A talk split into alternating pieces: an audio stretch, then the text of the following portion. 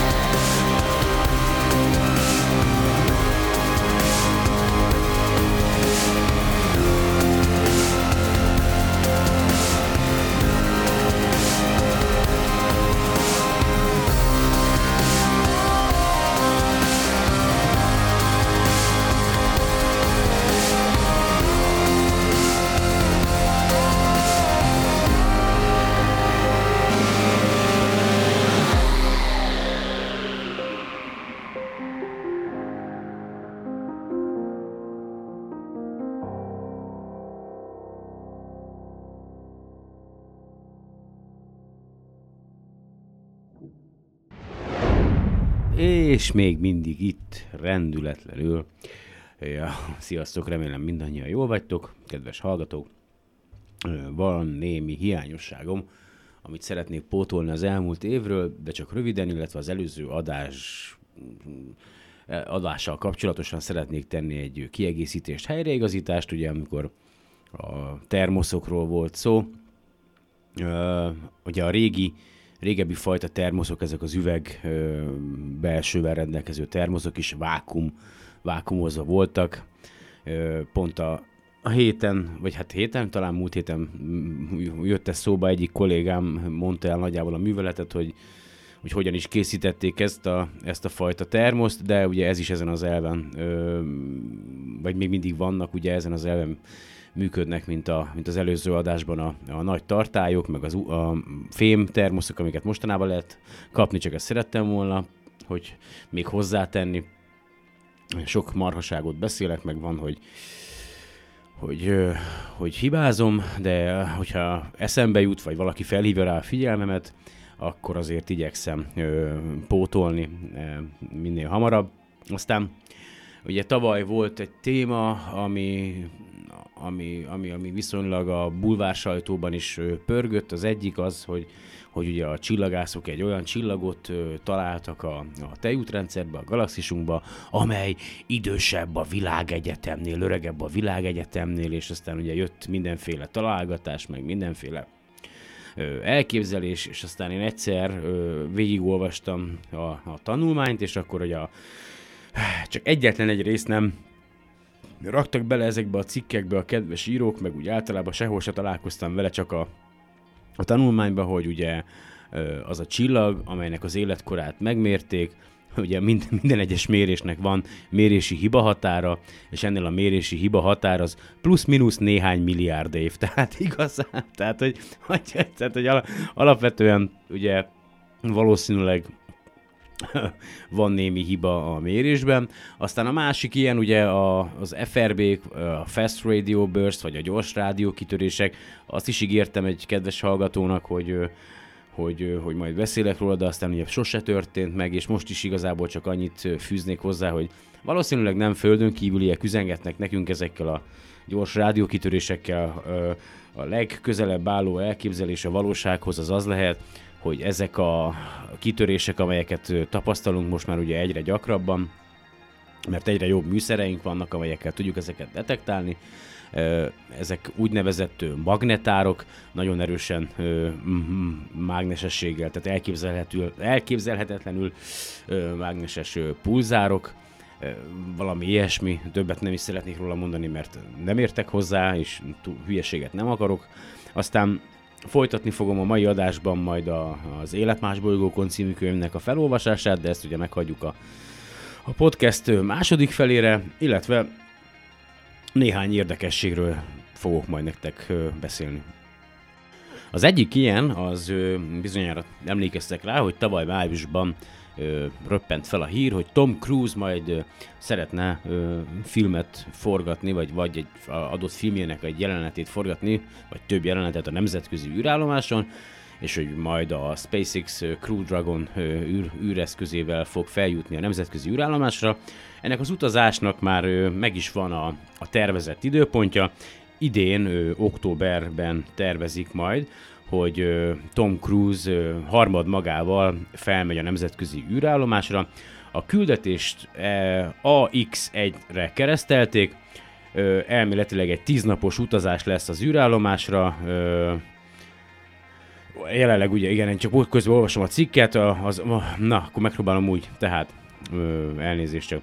Tehát tavaly májusban a NASA-nak az igazgatója, a vezetője, ugye Jim Bridenstine bejelentette, hogy az ügynökség együtt működik a hollywoodi ö, ö, akciófilm ö, színésszel, illetve rendezővel, Tom Cruise-zal, nemzetközi űrállomáson, bla bla bla bla bla, és ugye ezt majd egy ö, ö, Dragon űrkapszulán fogják ö, megvalósítani, és a Tom Cruise-nak az űrrepülését az Axiom Space névre keresztelt vállalat vezényli le, vagy hát intézi, amely ugye Texas Texasban található, Michael Safradini alapította, aki korábban 2005 és 2015 között a NASA űrállomás program menedzsereként dolgozott. Az Axiom az gyakorlatilag civileknek kínál látogatásokat a nemzetközi űrállomásra. A cégnek szintén olyan vannak egyéb tervei is, mégpedig egy külön űrállomás építése majd arra az időre, amikor már a nemzetközi űrállomást nyugdíjazni fogják. Azt mondja, hogy az Axiom aláírta a SpaceX-el a, a szerződést, vagy az egyességet, azt mondja, hogy a négy tagú legénységet fognak felbocsátani a SpaceX Crew Dragon űrhajójával. A négy utas között lesz a Tom Cruise, a filmrendező Doug Lehman, és azt mondja egy izraeli vadász repülő pilóta, Ethan Stibb, és még velük lesz egy NASA űrhajós Michael López Alegria, aki majd ugye a küldetésnek a parancsnoka lesz. Úgyhogy ennyi, és itt még egy érdekességet említenek a, a lóvéról, hogy mennyibe is kerül ez ö, valójában. Hát most igen, olyan összegeket fogok mondani, amit mi halandók nem nagyon tudunk elképzelni, pedig ott ezek nem is számítanak nagy összegnek. Azt mondja, az Axiom ö, nem igazán ö, tette nyilvánosság, ö, tette nyilvánosság ugye a, a szerződésnek a részleteit, meg hogy mennyit fizet a SpaceX-nek a repülésért, de ugyanakkor lehet tudni, hogy egy egy Dragonnak gyakorlatilag személyenként, tehát hogyha egy, egy ember 55 millióba kerül, az nagyon durva. Tehát, hogy azt mondja, 55 millió dollár. 55 millió dollár egy utas a Dragon űrkapszulába, és azt mondja, a NASA pedig múlt évben azt nyilatkozta, hogy nyitottak ugye a kereskedelmi repülésekre az űrállomáshoz, ami 35 ezer dollár személyenként egy napra. Tehát az azt jelenti, hogy egy ember 35 ezer dollárért tölthet el egy napot a nemzetközi űrállomáson. És egy másik érdekesség még, hogy ugye a SpaceX-nek voltak korábbi tervei, vagy korábban azzal kapcsolatosan tervei, hogy a magát a, a, ezt a legénységi Dragon kapszulát használja ugye űr, űrturisták utaztatására is, na és meg is történt az első ilyen szerződés is. Azt mondja, hogy a SpaceX lett a leg felkapottabb új turista célpont. Ez az All About Space decemberi számában található ez a cikk. És azt írja, hogy gyakorlatilag azt mondja, hogy Space, now Space, tehát a lényeg az, hogy az első négy utas aláírta a szerződést a SpaceX-el, hogy egy önálló küldetésre mennek az űrhajóval, vagy egy önálló utazásra, tehát ez jövő év december, vagy idén, bocsánat, idén decemberben várható, arról fog szólni a dolog, hogy fellövik őket a Dragon űrkapszulával, és nem csatlakoznak a nemzetközi űrállomásra, hanem eltöltenek föld körüli pályán néhány napot, aztán majd ugye visszajönnek a, belépnek a föld, visszajönnek a földre, hogy ez mennyibe kerül, erről nem ír a cikk, de ez is érdekes. Aztán a másik, hogy a, a héten volt az, hogy a Blue Origin, ugye a Jeff Bezosnak a, az űripari vállalat, tudjátok az Amazonnak a feje, meg az a kedves illető, aki most vált el, meg, meg most már nem ő a leggazdagabb, hanem most már Elon Musk a leggazdagabb, de ebben szerepet játszott ugye biztos a vállása is Bezosnak, meg a, aztán ugye nem nagyon szeret adót fizetni, ezt is tudjuk róla, meg hogy nem igazán fizeti meg az alkalmazottait az Amazonnál, de hogy megdolgoztatja őket, mint a rabszolgákat, de hát igen, ez, ez általában így szokott lenni. Szóval, hogy hogy ők is sikeres tesztet hajtottak végre ezzel a, a New, New Shepard, vagy nem tudom, vagy, vagy nem tudom pontosan milyen évre keresztelt rakétájukkal, ami már ugye egy legénységi kapszula is található, ők is szeretnének űrturistákat fellőni olyan 100 kilométeres magasságba, ugye a Kármán vonalra, és sikeresen visszaszállt a, a gyorsító maga, ez a rakétatest a földre, illetve a kapszula sikeresen levált az űrhajóról, és ejtőernyőivel pedig leereszkedett a földre, úgyhogy ez is tök jól megtörtént, aztán ugye a SpaceX Texasban ugye a nagy marsi tervein folyamatosan dolgozik, most már a 9-es és a 10-es verziót készítik a Starshipből, a prototípusból, hamarosan várható ennek is majd egy 10x kilométeres repülése, tesztje az elkövetkezendő napokban, vagy, vagy egy-két héten belül, ugye ez a Starship, ez nem maga a rakéta, ami majd a föld körüli pályára áll, hanem ez maga az űrhajó, tehát eközben elkezdték már, vagy folyamatosan építik is magát a, a fő rakétát, ezt a talán Super Heavy, vagy nem tudom milyen névre keresztelt ö, ö, ö, fokozatot. Ennek is a tesztelése majd meg fog kezdődni, úgyhogy Kíváncsi vagyok, hogy sikerül-e megvalósítani ezt az úgynevezett Dear Moon projektet. Tudjátok, egy pár éve volt erről szó, hogy a, ez a talán a Isoka, Isoka, Isoka Musawa, vagy nem tudom, hogy hívják, hogy ez a japán úriember, vagy igen, talán ő, ő fizetett egy rakás pénzt a SpaceX-nek, hogy ő szeretne lenni az első utas, aki ezzel a Starship-el ö, elmegy a Holdhoz, megkerüli ö, többet magával, művészekkel, meg aki esetleg még, akinek még esetleg van annyi pénze, hogy ezen az utazáson részt vegyen, aztán visszajönnek a Földre. Ez 2024 körül, vagy három talán így tervezik, hát nem tudom, hogy meg fog-e valósulni. Egész jól haladnak egyébként a SpaceX-nél a dolgok. Aztán itt van az is, hogy az Európai űrügynökség, ugye a Égen Földön Föld alatt Facebook oldalon Mónika írt meg egy cikket, bő egy hete talán már, hogy az Európai űrügynökség is azt tervezi, hogy szeretnének újra hasznosítható rakétagyorsító fokozatot fejleszteni és építeni saját maguknak is. Ez ebből várhatóan majd a 2030-as évek közepére lesz az elképzelésük szerint valami. Nekem ezzel kapcsolatban voltak véleményeim, de ezt most itt nem szeretném megosztani. Aztán itt van egy másik, hogy az indiaiak is bejelentették, hogy ők is szeretnének újra hasznosítható rakétagyorsító fokozatot létrehozni. Aztán, aztán a kínaiak, ugye Detto, Jaj, mindenki, mindenkit, mindent akar, komolyan tök jó, mindegy, örülök, persze jó a verseny, meg minden, mert mindegy, erről megvan a véleményem, úgyhogy mindenki dolgozik ezen, meg aztán az Európai űrügynökség aláírt egy szerződést egy magánvállalattal, az első űrszemét elégető küldetéssel kapcsolatosan. Dióhéjban annyit, mert nincs előttem a cikk, hogy egy maszek céget megbízott azzal az Európai űrünösség, hogy készítsen egy olyan műholdat, amely képes befogni egy korábban ö, elengedett, ugye útjára engedett ö, az Európai űrügynökség által használt rakéta gyorsító fokozatot, és azt vezesse bele a légkörbe annak érdekében, hogy ugye az ne keringjen tovább a, a bolygó körül, ne okozzon gondot, mint űrszemét, Úgyhogy ez is meg fog valósulni néhány éven belül. Ö, ami érdekesség, hogy, hogy, hogy ugye ugyan tényleg az van, hogy ugye nyomja a SpaceX a Starlink, Starlink műholdakat föl, de egyébként az, az viszont már pozitívum, hogy már olyan beszámolók érkeztek, hogy már nem lehet őket annyira látni, tehát az újabb adagokon már tényleg végrehajtottak olyan módosításokat, amelyek nem verik vissza annyira a, a napfényt, tehát hogy nem annyira zavaró a fönt létük, de hogy, hogy ugye tolják tele ugye műholdakkal az alacsony föld pályát, és így tovább, és így tovább, de hogy a, a SpaceX-nek a javára írható az, hogy, hogy ugye az első gyorsító fokozat az visszajön optimális esetben a Földre, leszáll és újra használják. Van olyan rakétájuk, amit már szerintem lassan 11 fognak újra használni a Falcon 9-ból, a Falcon 9-ből, míg a második gyorsító fokozat az onnantól kezdve, hogy elengedte a rakományt, az szépen majd visszajön a, elég a, a, a Föld légkörébe, tehát az sem marad fent ő, túl sokáig. Pontosan a izével azt nem tudom, hogy a magával ezzel a rakomány tartóval ö, mi a helyzet, ugye amin az a sok műhold van elhelyezve, lehet, hogy az is visszajön idővel ugye a, a, a föld légkörébe is elég, meg ugye ott vannak ezek a, az orkúpok, ugye a rakományvédő orkúp, ezek a fairingek, ami két darabból áll, azokat is igyekszik a, a SpaceX megmenteni, elkapni, úgy ilyen drónhajók, vagy hát ilyen hajókkal, Úgyhogy tehát, hogyha ez, ez, ez mindenféleképpen a javukra írható, sőt az is, hogy, hogy, hogy, hogy, gyakorlatilag nekik köszönhetően hihetetlenül fejlődik a, a maga a, ez a, az, az űrhajózás, vagy az nem is tudom, mit mondjak, ez az űrverseny, ugye, hogy most így mindenki bejelenti, tehát elég, nagyon előre vannak.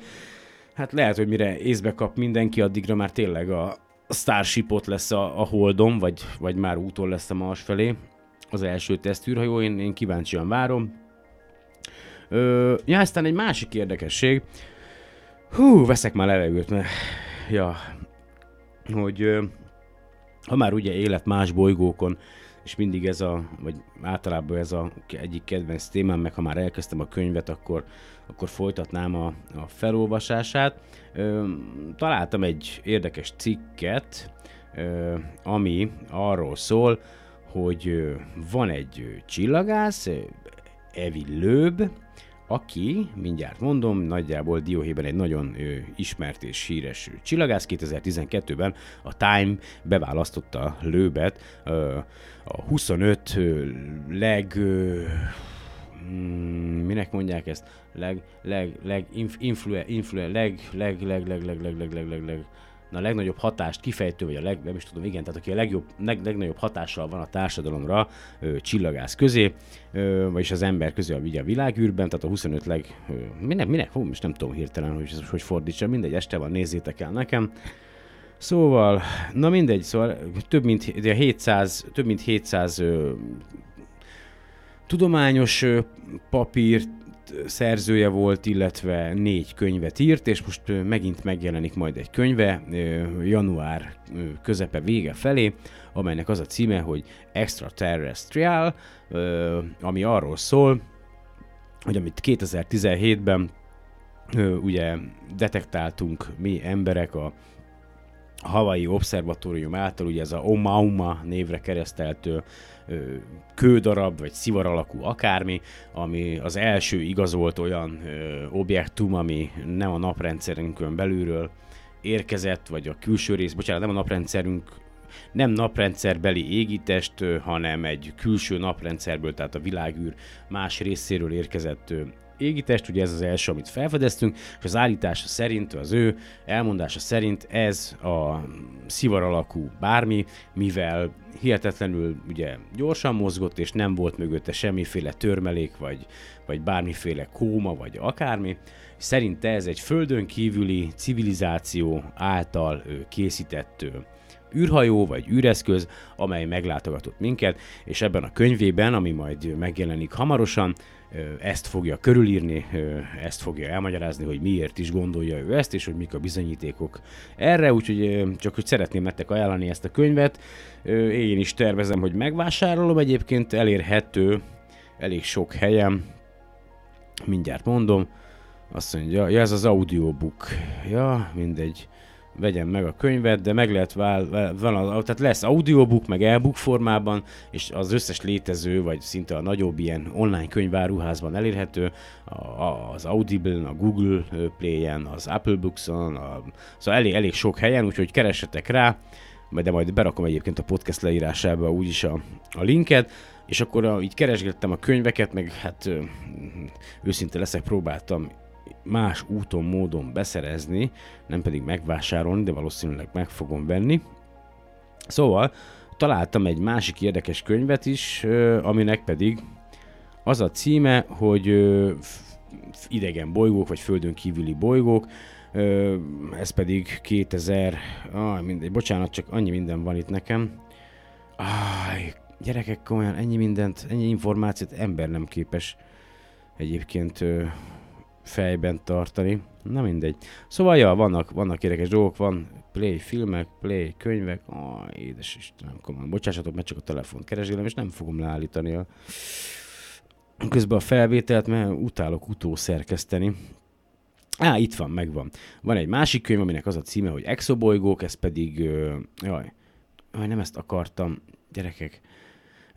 Donald Goldsmith írta, csak ingyenes könyvrészletet nyitottam meg véletlenül, úgyhogy ez is egy érdekes könyv lehet, ez 6500 vagy 6600 forint a Google Play áruházban, a másik könyv az pedig olyan Hát érdekes, mert kétféle változat van fönt, az egyik az január 20 akárhányadikán, vagy 21-én jelenik meg, azt 7000 akárhány száz forintért lehet megvásárolni elővételben, aztán majd egy későbbi megjelenést, ami meg talán egy vagy két héttel később jelenik meg, azt meg olyan durván 6000 forintos áron lehet megvásárolni e, e-book formátumban, ugye mind a kettő könyv angol nyelvű, hát azért várok a megvásárlásukkal, mert annyi minden van, újságok, könyvek, amiket még egyszerűen nem, nem olvastam.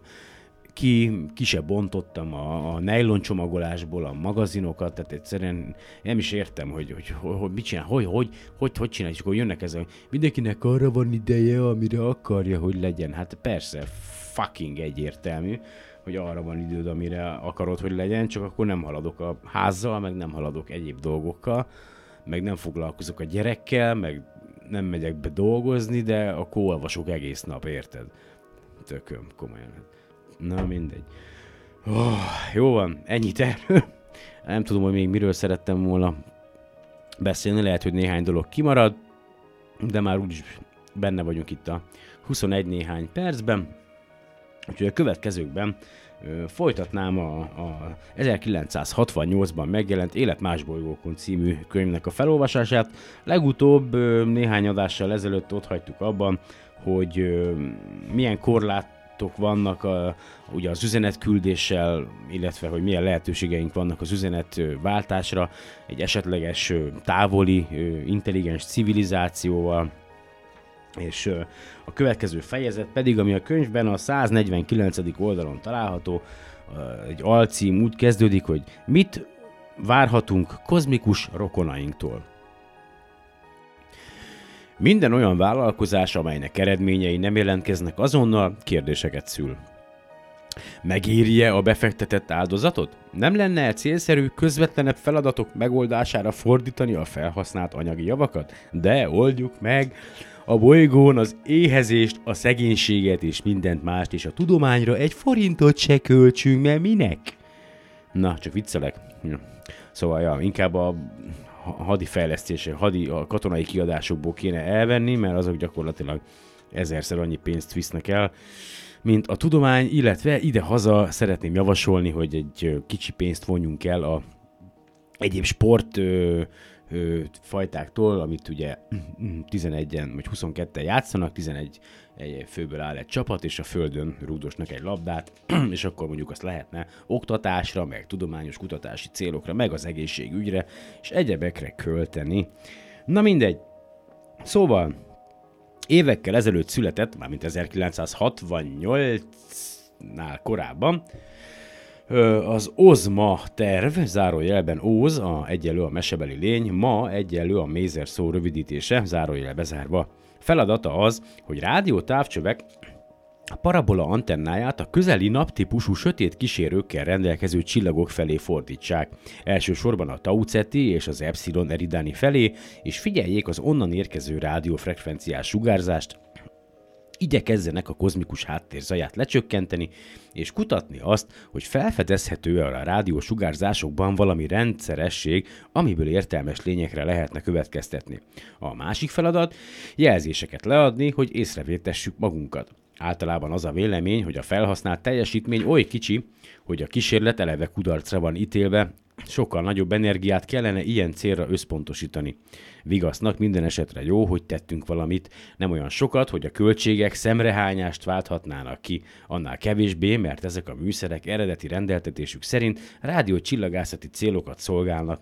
Sor kerül olyan megoldásra is, hogy min, egy ennél sokkal nagyobb teljesítő képességű rádiótávcsövet megosztva használnak fel, hogy vele értelmes lények üzeneteire les, lessenek, és egyben lakottnak gyanított csillagkörnyezetek felé jeleket sugározzanak, másrészt felhasználják a mai kor izgalmas rádió csillagászati feladatainak megoldására. Költség és fáradtság az is, amit a kozmikus partnerek keresésére fordítunk. Annyi nehézség és bizonytalanság mellett, ami a kérdéssel együtt jár, mi adja az akaraterőt, hogy dolgozzunk érte? Hát mi? Mi? Ez valami olyasmi, most nem, most magamnak, bocsánat, ez egy saját gondolat, tehát mi, mi? Az, hogy, hogy keressük a válaszokat, hát mi? Tehát, hogy, hogy, hogy, hogy, hogy az nem, nem lehet, hogy itt vagyunk a nagy, nagy semmi közepén, mármint, hogy, de, vagy semmi, nem a közepén, a nagy semmiben, és, és, és egyedül vagyunk egy, egy olyan, olyan, olyan, olyan valamiben, ahol, ah, ahol gyakorlatilag minden adott jelen pillanatban ahhoz, hogy, hogy élet legyen, akár féle, bármilyen féle, tehát a nagyszámok törvénye alapján, hát amilyen csak a a, a, a megfigyelt, ugye az Observable, tehát a, az általunk megfigyelhető világegyetemben két billió galaxis van. A tejútrendszerben van 200 vagy 400 milliárd csillag, most ha mindegyik galaxisban csak 200 milliárd csillag van, szorozzátok már be, hogy az hány fajta lehetőség, tehát hihetetlen. És ha csak, csak mi vagyunk ez az egyetlen lény, intelligens lény a, ebben a galaxisban, a tejútrendszerben, akkor is van még két billió galaxis, és ha minden galaxisban csak egy ilyen lény, létforma jön létre, az, az, az, az, az elképzelhetetlenül nagy számú fejlett civilizációt takar akik valószínűleg soha nem fognak egymásról tudni. De egy másik dolog, hogy ugye itt is, itt is erről írnak, hogy ugye hát az egy nehezebb időszak volt, de hogy, hogy miért fordítsanak kutatásra és tudományra pénzt. Tehát ez, ez annyira vicces az egész. Én úgy szeretném látni, amikor tömegek gyűlnek össze mondjuk a parlament előtt, de úgy, hogy nem lehessen beférni a izébe az alkotmány utcába se, tehát álljon kint a sor a izénél a akár Arany János utcai metroállomásig tömeg legyen, és üvöltse mindenki, hogy fordítsanak több pénzt a tudományra és az oktatásra. Fordítsanak több pénzt a tudományra és az oktatásra. Hát de valószínűleg ilyen soha nem fog történni. Úgyhogy, ja, ugye, igen, hát nem, nem vagyok büszke magamra, de ugye egy időben elég sok tüntetésem voltam, és szomorú, bevallom, de sajnos ugye az első ilyen tüntetés, ez a hülye internetadó volt, és, és restellem egyébként hogy, hogy korábban nem voltam aktívabb ezen a téren. Aztán nagyon sokáig jártam, de igazából ja, ja, aztán úgy, úgy el, ellaposodott a dolog, és már egy ideje nem voltam, úgyhogy elnézést érte. Szóval, tehát teszem a dolgom. Tehát költség és fáradtság az is, amit a kozmikus partnerek keresésére fordítunk. Annyi nehézség és bizonytalanság mellett, ami a kérdéssel együtt jár, mi adja az akaraterőt, hogy dolgozzunk érte? Mi adja a lottózónak az erőt? Hát ez rohadt jó. Tehát mi adja a lottózónak az erőt? 1968-ban is a lottózó, érted? Ja, bocsánat, ebből a könyvfelolvasásban nem lesz semmit. apám is, érted? Már nem él, de áh, mindegy, szóval az a, nem, nem ma meséltem róla dolgokat, de az, hogy az a minden héten abban a hülye kis mappájába fel kellett adni a lottót, hogy majd egyszer bejön, majd egyszer bejön. Atyám, na mindegy. Szóval, mi adja a lottózónak az erőt, az áldozat készséget minden héten újra és újra? A nagy tét, az ötös találat reménysége ha adóban kirónák, hogy a Föld 3 milliárd embere minden héten áldozzon egy lottószelvény árát, hetenként 10 milliárd forintot költhetnénk a kozmikus érintkezés költségeire. Erre már nehéz lenne rávenni az emberiséget, de még egy ország lakosságát is. Az a haszon, amit az egész emberiségnek ígérünk, csak részben lenne egyéni haszon, és ez már meggondolásra késztet. De eltekintve a tréfától, érdemes elgondolkodni, hogy milyen haszon származnék abból, ha egy nálunk sokkal fejlettebb társadalom ismereteit megszerezhetnénk. Földi példákkal is megsejthetjük ezt. Képzeljünk el olyan törzset, ahol betegség és járvány pusztít, a született gyermekeknek csak tizede éri el a felnőttkort. A szegényes, galjagborrót kunyhó a vadállatok ellen sem véd, és az időszakos áradások évek munkáját rombolják le. Ha csak azt adjuk ismeretben ennek a törzsnek, amivel már rendelkezünk, az oltásokat, na, a tökre aktuális, hát hihetetlen, em, gyerekek, az oltásokat, a fertőzés elleni szereket, a tökéletesebb otthon építészetét, épít, igen, a tökéletes, a tökéletesebb otthon építészetét és az ár elleni küzdelem módszereit, akkor ez a törzs megszabadulna sok félelemtől, és felszabaduló energiáját saját fejlődésére fordíthatná. Azt mondják, hogy a régi korokban évezrednek kellett eltelni, hogy az emberi tudás megduplázódjék. A középkortól kezdve egy évszázad is elegendő volt ehhez, manapság pedig évtizedenként kétszereződik az ismeretanyag. Mi marad még a század végére, ami ismeretlen? Hát, szegények, akik ezt a könyvet írták, ö, nem, nem tudhatták. Nem hogy, ja. Szóval nem csak, ja, édes, nem mindegy. Nem csak az ismeret nő, hanem vele együtt az újonnan felvetődő problémák száma is. Nézzünk egy kisé körül tudományainkban. Minden ütett sereg kérdőjel mered felénk, egyre világosabban látjuk, hogy mindaz, amit a világ nagy gazdagságából a Föld megmutathat nekünk, elenyésző része a valóságnak. Éppen a legmagasabb tudomány birtokosai látják legtisztábban, mennyi ismeretre lenne még szükségünk, hogy jobbá legyen az ember élete. Csak ábránd az, hogy léteznek, akik ezeknek az ismereteknek már birtokában vannak. Ha valóban vannak nálunk tökéletesebb lények, akkor felelni is tudunk. Éppen azért lettek tökéletesebbek, mert tisztább és több ismeret birtokában vannak. Nincs arról szó, hogy a több ismeret birtokában egyszerre meg lehetne oldani a ma minden problémáját. A jövendőről van szó, aminek időtartamát a kozmosz körülbelül 6 milliárd évre ígéri. Meglátogathatjuk-e más bolygók lakóit? Sok régi ábrán valósult meg, amikor az ember először műszeres műszeres követeit juttatta fel a világűrbe, majd személyesen is megjelent űrhajóin a föld körüli pályákon. Ezek az utazások megnyitották a mindenség kapuját, azzal a reménnyel kecsegtetnek, hogy már rövidesen megvethetjük lábunkat legközelebbi szomszédunkon, a Holdon. Az első lépések a világűr felé. Sokan 1957. október 4-től számolják a világűr meghódításának korszakát, hiszen az ember ekkor indította útjára az első mesterséges égitestet, ezt a nagyszerű eredményt azonban számos kísérlet előzte meg, és a megelőző kísérleteknek is voltak előzményei. Kezdjük ezekkel az ismerkedést. A 19. század második felében, amikor már tisztán állt a tudósok előtt az égitestek mozgásának valamennyi törvénye, ismerték földünk tömegét, és így az elhagyásához elengedhetetlen feltételeket, valamint a bolygóközi tér természetét, hozzáláthattak az űr eléréséhez és a benne való mozgás biztosításához szükséges gépek megtervezéséhez. Abból, hogy a bolygókat és ezentúl a csillagokat egymástól elválasztó irdatlan terek gyakorlatilag üreseknek tekinthetők, azt a következtetést kellett levonni, hogy ezekben csak a légüres térben való közlekedésre egyedül alkalmas eszközzel, rakétával közlekedhetünk. Az orosz Kibalcsics és Ciolkovski, a német Gansfint, a francia Esnault Pelteir, na mindegy, nem tudom jól ejteni a nevüket, nézzétek el nekem, és sokan mások szinte egy időben jutottak erre a felismerésre.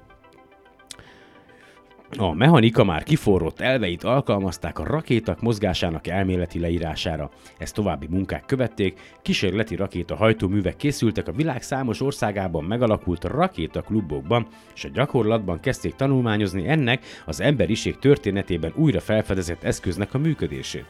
Sorompóba léptek a sorompóba léptek a kémikusok is, kidolgozva a rakéták hajtóművében lejátszódó égési folyamatok elméletét, és egyre jobb üzemanyagok után kutattak. A technikusok felhasználták a tökéletesedő szerkezeti anyagokat, és egyre tökéletesebb és mind magasabbra emelkedő rakétákat építettek. 1935-ben a Szovjetunióban már olyan folyékony üzemanyaggal működtetett rakétákat építettek, amelyek 10 km magasra emelkedtek. Ez akkor világrekord volt. Tíz év múlva pedig már egyes, akkor óriásinak számító rakéták tonnányi terhet emeltek több száz kilométer magasságba, ezután viszont már csak 12 év telt el, és megszületett az első Sputnik. E néhány adat is érzékelteti a fejlődés rohamos ütemét. A második világháború után kezdődött meg a most már komoly teljesítő képességű rakéták tudományos célokra történő felhasználása. Több száz kilométer magasba emelkedve műszereket vittek magukkal, tanulmányozták a magas légkört, a napnak a föld felszínen nem észlelhető sugárzását, és eközben értékes tapasztalatokkal gazdagították a rakéták működésének irányításának elméletét és gyakorlatát. Az 1950-es évek elején a Szovjetunióban a nagy magasságokba emelkedő rakétákon már kísérleti állatok, egerek és kutyák is helyet kaptak. Segítségükkel nem csak a világűrnek és a rakétáknak a szerkezeti anyagokra, hatá, hanem az élő szervezetre gyakorolt hatásával is ismerkedni kezdtek a tudósok. Az újabb tapasztalatok alapján épültek meg az első olyan laboratóriumi berendezések, amelyekben a rakéták indítása és emelkedése, valamint a világűrben jelentkező hatások több-kevesebb pontossággal utánozhatók és tanulmányozhatók. A világűr fokozatosan beköltözött a laboratóriumba, Közben hatalmasat fejlődött az elektronika tudománya is, megszülettek a rakéták irányításában nélkülözhetetlen elektronikus számítógépek, a műszereket energiával tápláló nagy teljesítményű áramforrások, és kidolgozták a rakéták indításával járó megterheléseket elviselő változatokat is. Mindez lehetőséget adott arra, hogy ne csak függőlegesen felfelé indítsák a rakétákat, hanem emelkedésük során kormányozhassák is őket. Megszülettek az első több lépcsős rakéták is, amelyeknek fokozatai egymást szöktetve lehetőséget adtak arra, hogy segítségükkel elérjék a föld körüli keringéshez szükséges csak nem 8 km-es másodpercenkénti sebességet, most már tudjuk, hogy 11 km per másodperc. Megnőtt a magasság, vagy az, nem az az első kozmikus sebesség, igen. Megnőtt a magasság, ameddig feljutottak, és műszereik most már a föld felszín felett feletti 1000 kilométeresnél nagyobb magasságokból közvetítettek értékes adatokat. Fokozatosan megvalósultak hát a feltételek ahhoz, hogy az ember vállalkozhasson egy mesterséges égitest megalkotására. Erre került sor 1957. október 4-én a történelem során először a Szovjetunióban a Sputnik 1 83,6 kg-os gömbjének felbocsátásával, és ezzel valóban kezdetét vette az űrkorszak, most már annak aktív kísérleti része. Az első mesterséges holdak megszületésével kezdetét vette a világűr műszeres felmérése. A kihatolás a világűrbe együtt járt annak pontosabb megismerésével. Kiderült, hogy számos elképzelést módosítani kell kozmikus környezetünkről, sőt magáról Földünkről is. A légkör, amelyről korábban úgy vélték, hogy néhány száz kilométer magasságig terjed, még 2000 kilométernél is vastagabbnak bizonyult, de ezen messze túl mint egy százezer kilométeres távolságig terjedően is vannak részecskék, amelyek szoros fizikai kapcsolatban vannak Földünkkel, annak mágneses terén keresztül. Ez a Föld sugárzási övezete, vagy ahogy inkább nevezzük, a magnetoszféra. Az első Sputnik megszületésekor mindenről még vajmi keveset tudtunk, magát a Sputnikot tervező és útnak indító szakemberek is igen óvatosan nyilatkoztak. Annak várható élettartamát egy héttől néhány hétig terjedő időre becsülték. Ekkor a bizonytalanságot okozott a legkülső légkör fizikai adataira vonatkozó ismeretek hiánya. A Föld első mesterséges holdja végül is 92 napig rótta útját bolygón körül, ezután a sűrűbb légrétegbe merült, ahol felizzott és megsemmisült. Azóta a mesterséges égitestek sok családja született, benépesítve nem csak Földünk közvetlen kozmikus környezetét, hanem elhatoltak a naprendszer távolabbi térségeibe is. A hivatalos statisztikák 1966 végéig 700-nál több mesterséges égitestet tartanak nyilván, a mesterséges égitestek, például Sputnikok, marinerek, rangerök, stb. nagyobb közösségek tagjai. Ez annak a következménye, hogy azonos feladatok megoldására egy-azon kérdés több oldalról történő tanulmányozására különféle családnevet viselő csoportjaikat alakították ki. Az ember föld körüli térségekben tett utazásainál használt űrhajócsaládok csoportjai például a szovjet Vostok, Voshod és Soyuz, valamint az amerikai Mercury és Gemini űrhajók családjai. A nagyobb űreszköz családok száma is elég népes, hiszen ma már vannak földünk körül keringő mesterséges holdak zárójelben, amelyeken lehetnek geofizikai, fizikai, csillagászati és atomfizikai laboratóriumok zárójel bezárva, űrhajók, meteorológiai mesterséges holdak vagy hírközlő műholdak. A holdat, legközelebbi kozmikus szomszédunkat is az űreszközök egész családja ostromolta. A szovjet lunyikok és lunák, az amerikai pioneerok, rangerek, surveyorok és lunar orbiterek, és köztük a hold mesterséges holdjai is megtalálhatók. Külön csoportot alkotnak a mesterséges bolygók, amelyek egy része holdrakétából vált a nap mesterséges bolygójává, más része pedig a Vénusz vagy a Mars tanulmányozása indult ilyen pályán. Az első lépések csak néhány száz kilométeres magasságba vezettek, de egyre bonyolultabb feladatokat oldottak meg. Az első Sputnikok nem egészen egy hónap múlva követte, az első Sputnikot nem egészen egy hónap múlva követte a második, fedélzetén Laika kutyával, a földi élővilág első kozmikus képviselőjével. Laika egy héten állt élt kabinjában, miközben a műszerek szorgosan tudósítottak állapotáról. Ezek az adatok fontos segítséget adtak a három év múlva útnak induló, de már a Földre visszatérő űrhajók tervezéséhez. Más mesterséges égitestek közben arra kerestek választ, hogy mi okozza a Föld mesterséges holdjainak orsózó, bukdácsoló és legyezőszerű mozgását a pályán történő haladás közben, és hogy miként lehetne ezeket megszüntetni. Vizsgálták a Föld sugárzási övezetét is, ezt az emberi élet számára olyannyira veszedelmes zónát, amelyben nagy energiájú elektronok és protonok képviselik a biológiailag káros sugárzó részecskéket. Kiderült, hogy az övezetek földfelszín feletti magassága, valamint a bennük található részecskék száma és energiája változik, mégpedig a naptevékenységtől függően.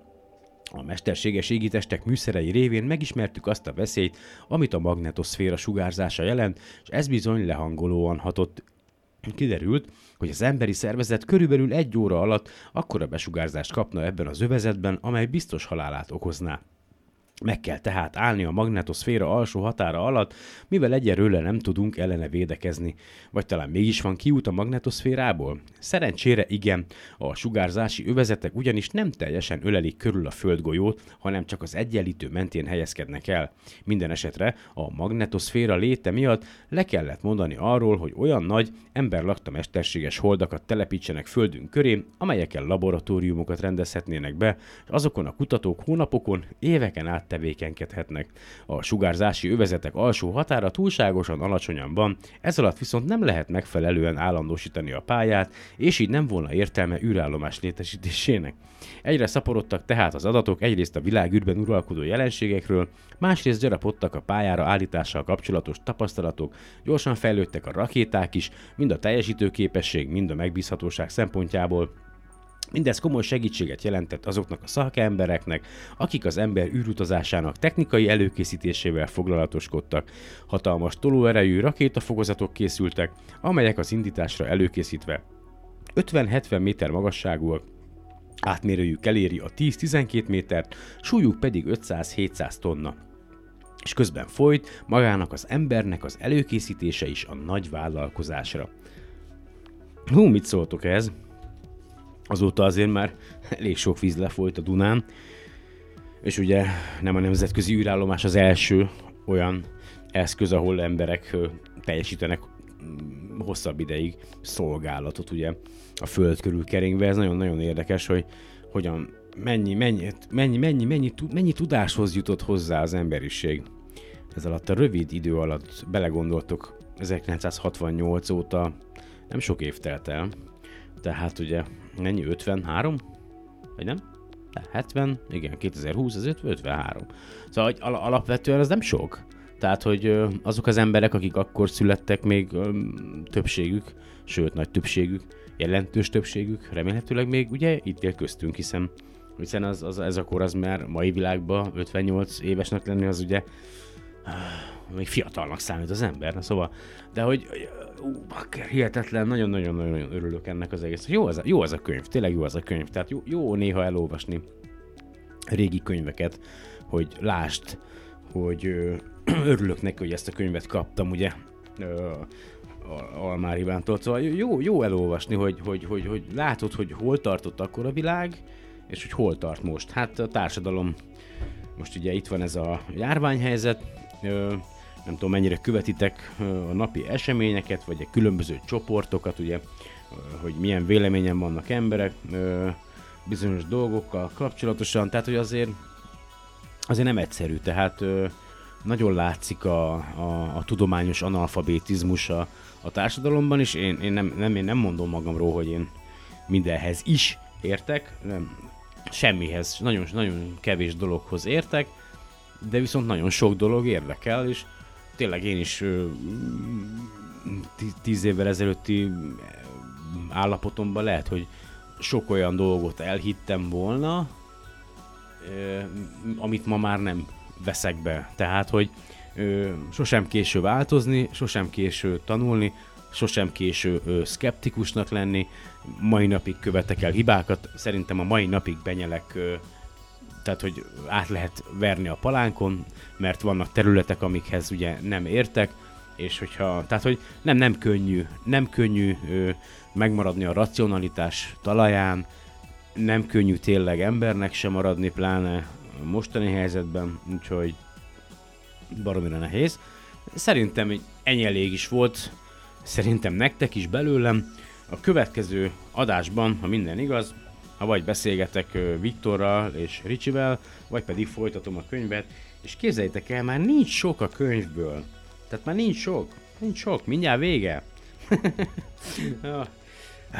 Köszönöm, hogy ma is velem voltatok, és hogy meghallgattatok. Ha bármilyen kérdésetek van tényleg, vagy véleményetek, vagy szimplán csak szeretnétek pénzt küldeni, akkor írjatok a solarpod2016 kukaszgmail.com címre, vagy Facebookon, a facebook.com per solarpod oldalon. Úgyhogy, ja, vagy, vagy szimplán csak dobjatok, dobjatok át egy kis lóvét, azt jó van. Nincs ezzel semmi gond. Én nem, nem fogok megharagudni, érte? Úgyhogy, ja, vigyázzatok magatokra. Tényleg köszönöm, hogy velem tartottatok ebben az adásban is, és, és tényleg szeretném megköszönni azoknak a hallgatóknak, akik, akik, akik itt vannak már nagyon régóta, meg az újakat is köszöntöm, de hát le a kalappal előttetek, hogy Na, hát így, nem tudom, hogy a francban, tehát biztos mazoisták vagytok, hogy engem hallgattok, de ja, a legjobbakat mindenkinek. Remélem, hogy minden hamarabb újra találkozunk, én Lisó voltam, addig is sziasztok!